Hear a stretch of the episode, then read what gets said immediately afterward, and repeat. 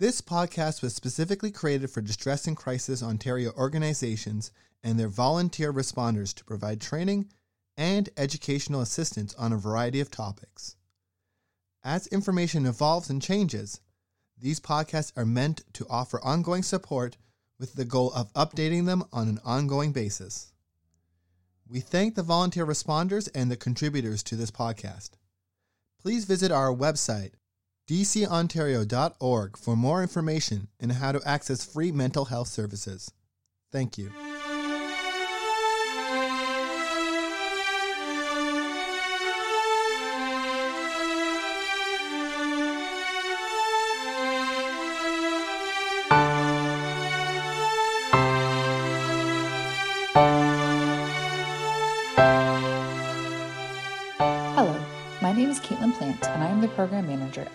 And Crisis Ontario. Thank you for choosing to listen to our podcast.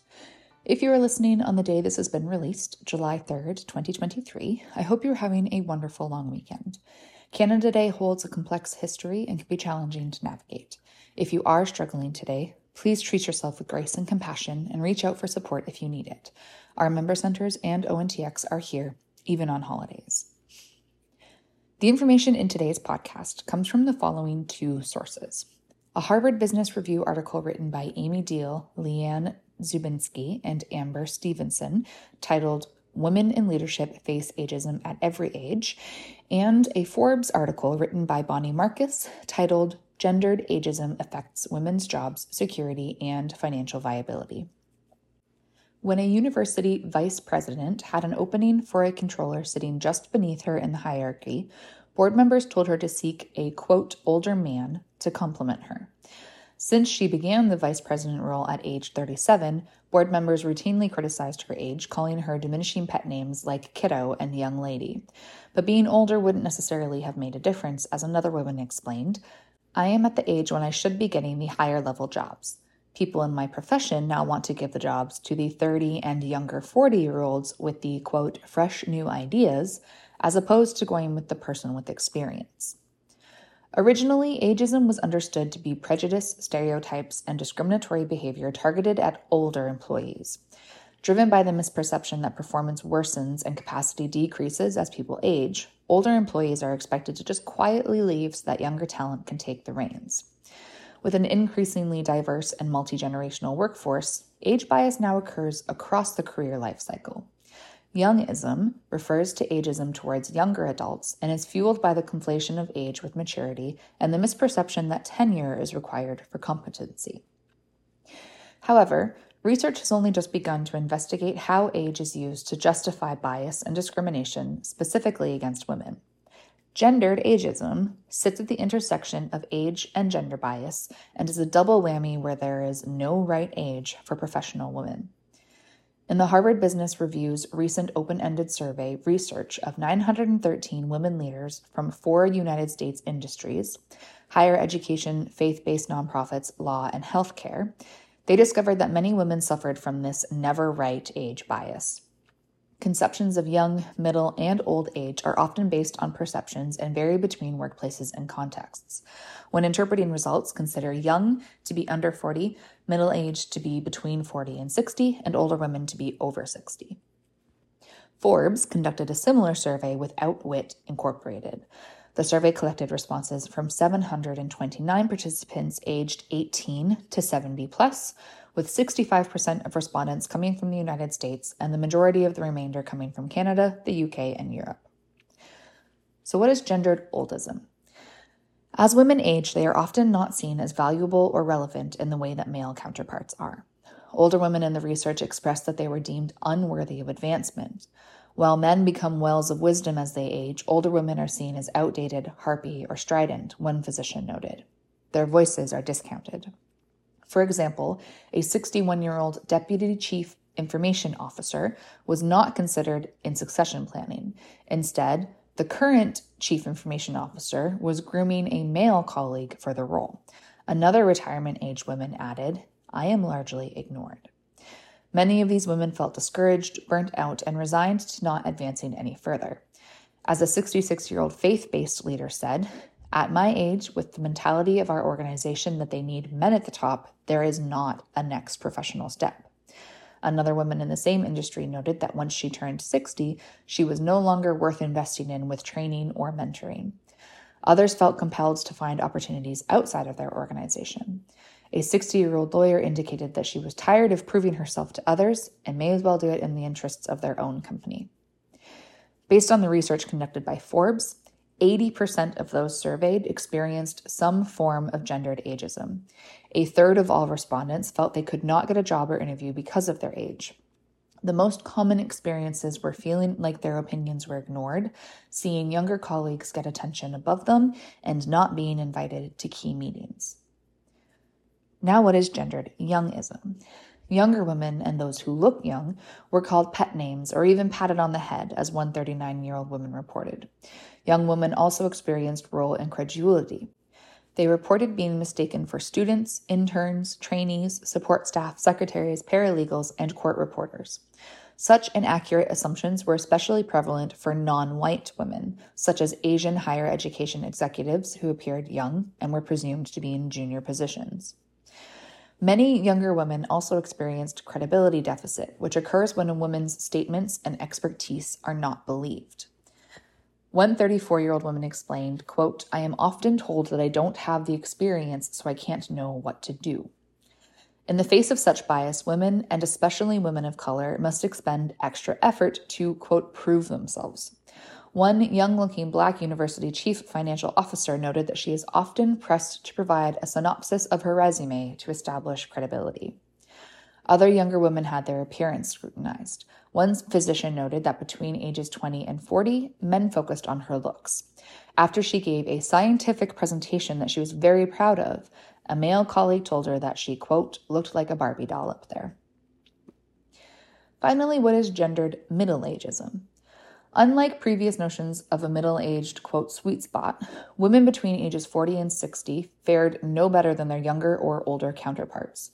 One college leader described how some search committees chose not to hire women in their late 40s because of too much family responsibility and impending menopause. Other search committees declined to hire women in their 50s because they have menopause related issues and could be challenging to manage. And still, other committees said that women in their 50s and 60s may not have aged well and do not look vital. Yet the jobs were given to similarly aged men. In the Harvard Business Review's research, they found no age was the right age to be a women leader. There was always an age based excuse to not take women seriously, to discount their opinions, or to not hire or promote them. Each individual woman may believe she's just at the wrong age, but the data make the larger pattern clear. Any age can be stigmatized by supervisors and colleagues to claim that the woman is not valued or is not fit for a leadership role. According to Forbes, 77% of those under 35 reported the negative impact of gendered ageism. Starting at age 35, women begin to experience gendered ageism at increasing rates as they age, with 60% of those 35 to 40 reporting the experience. The percentage peaks among those between 59 and 64, with 88% stating that they had experienced some form of gendered ageism. The study conducted by Forbes shared the following additional information. For those currently working, 77% reported a prevalence of gendered ageism, with 41% stating it was very or moderately prevalent. Those at public companies were more likely to report a prevalence, with 82% compared to 73% at private corporations. A full three quarters, or 75%, of those who experienced gendered ageism and were still employed did not take any action. Of those who did not act, 70% stated that they didn't take any action because they didn't believe it would make a difference. More than a quarter didn't trust HR, and 23% didn't want to risk their job. Of those that did act, there was little satisfaction. Of the 19% that spoke to their manager, 44% were very dissatisfied and 17 were somewhat dissatisfied. The satisfaction Faction rates for the 11% that spoke to HR were even lower, with 71% either very or somewhat dissatisfied.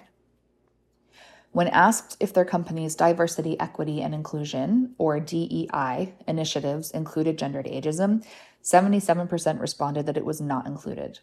Interestingly, 23% stated that they did not know if it was included, and 15% said their company didn't have any DEI initiatives. Public companies were more likely to have DEI, all but 3%, but only 23% of both public and private companies included gendered ageism. Almost a full third of private companies did not have DEI at all. However, almost all respondents from both public and private companies believed that more could be done to combat this prejudice. Gendered ageism has long term implications for retirement, with more than half of those surveyed reporting that they do not have enough money to retire, and nearly all of those over 53, including those aged 65 to 70, stating that they want or need to keep working. Yet more than a quarter of women 59 to 65 thought their chances of continuing to work were only fair or poor. The most common reason stated was their company does not value older workers. Of those who were unemployed, 9 out of 10 stated they were fired, laid off, forced to retire, or had trouble getting a job interview because of their age. More than half had been unemployed for more than a year. Additionally, 75% of these respondents do not have enough money to retire, creating greater urgency. Even the most highly educated women experience this form of discrimination, with more than 77% of those with graduate degrees experiencing gendered ageism, compared to 83% of those with four year college degrees. Those with two year degrees and some college were most vulnerable, with 88% and 90% respectively reporting that they experienced gendered ageism. Age diversity in the workplace yields better organizational performance, while perceived age discrimination creates lower job satisfaction and engagement. Similarly, gender diversity also matters. Organizations with diverse leadership teams perform better, especially in times of crisis, earn more, and have lower turnover. The business case is clear if organizational leaders pay attention. The good news is that there are practical steps for leaders to combat this never right gendered age bias. The first step is to recognize age bias. You can't fix a problem you won't admit is there. Whereas sexism and racism are the focus of most workplace DEI initiatives, ageism has been largely neglected. All employees should be trained on gender, gendered age bias, just as they are on other forms of discrimination. Use interactive case studies that include gray areas and age related assumptions and address false stereotypes that older age reduces an individual's commitment, agility, and ability to learn. Company social media can also be leveraged to get the word out about ageism using messaging that taps into both emotions and facts. When the problem ceases to be ignored, necessary improvements can be made. Next, you need to address lookism. Much of gendered ageism is hinged on the importance society places on looks or appearance as a function of societal value. The incessant pressure to look young and attractive is something that typically impacts women more than men. Because of lookism, women face ageism earlier than their male counterparts. This bias erodes women's self esteem and confidence. Include lookism in DEI training and ensure that it's not used as a hidden metric for hiring, promotion, or performance evaluation. Focus on skills no matter who has them. Younger women are often limited, whether intentionally or not, by the assumption of lack of experience. Middle aged women may be thought of as difficult to manage or having too many family responsibilities. Women who are older are often constrained by perceptions that they are no longer invested in the organization, are less productive, or cannot be promoted. These false heads perpetuate the problem. Rather than focusing on age when hiring, make promotion decisions, or bringing on new team members for a growth opportunity, Leaders should focus on each woman's skills, not their tenure or external demands. Cultivate creative collaborations. Develop intergenerational, mixed gender teams and professional relationships to encourage learning from each other and collaborating on solutions. Middle aged and older employees have years of experience, while younger employees have perspectives from growing up in a more recent time. A recent study of Generation Z's experience at work showed that one of their highest desires was for mentoring relationships. They long for connection with older workers who to take an interest in them. Too often, women lack connections that would help them develop professionally due to exclusion from informal networks and events. Intentionally pairing younger women with older mentors and sponsors will aid their learning and career success and enhance a company's performance. The research is clear. Any age can be viewed as the wrong age for a woman, allowing her capacity to be questioned and her fitness for leadership challenged. but we can stop stigmatizing women's age, benefiting not just women, but whole organizations. Thank you for listening to this week's podcast. If you have any feedback or would like to request future content, please do use the link in our show notes to fill out our feedback form. We would genuinely love to hear from you. As always, our member centers and ONTX are here to support you with anything going on in your life. You can find your nearest center, many of whom operate 24 7, by visiting our website at www.dcontario.org forward slash locations. And ONTX's online chat feature can be accessed from any page of our website by using the Looking for Support sidebar. ONTX is available from 2 p.m. to 2 a.m. Eastern Standard Time daily and can also be accessed by texting the word support to 258 258. Thank you again for listening, and I hope you take care.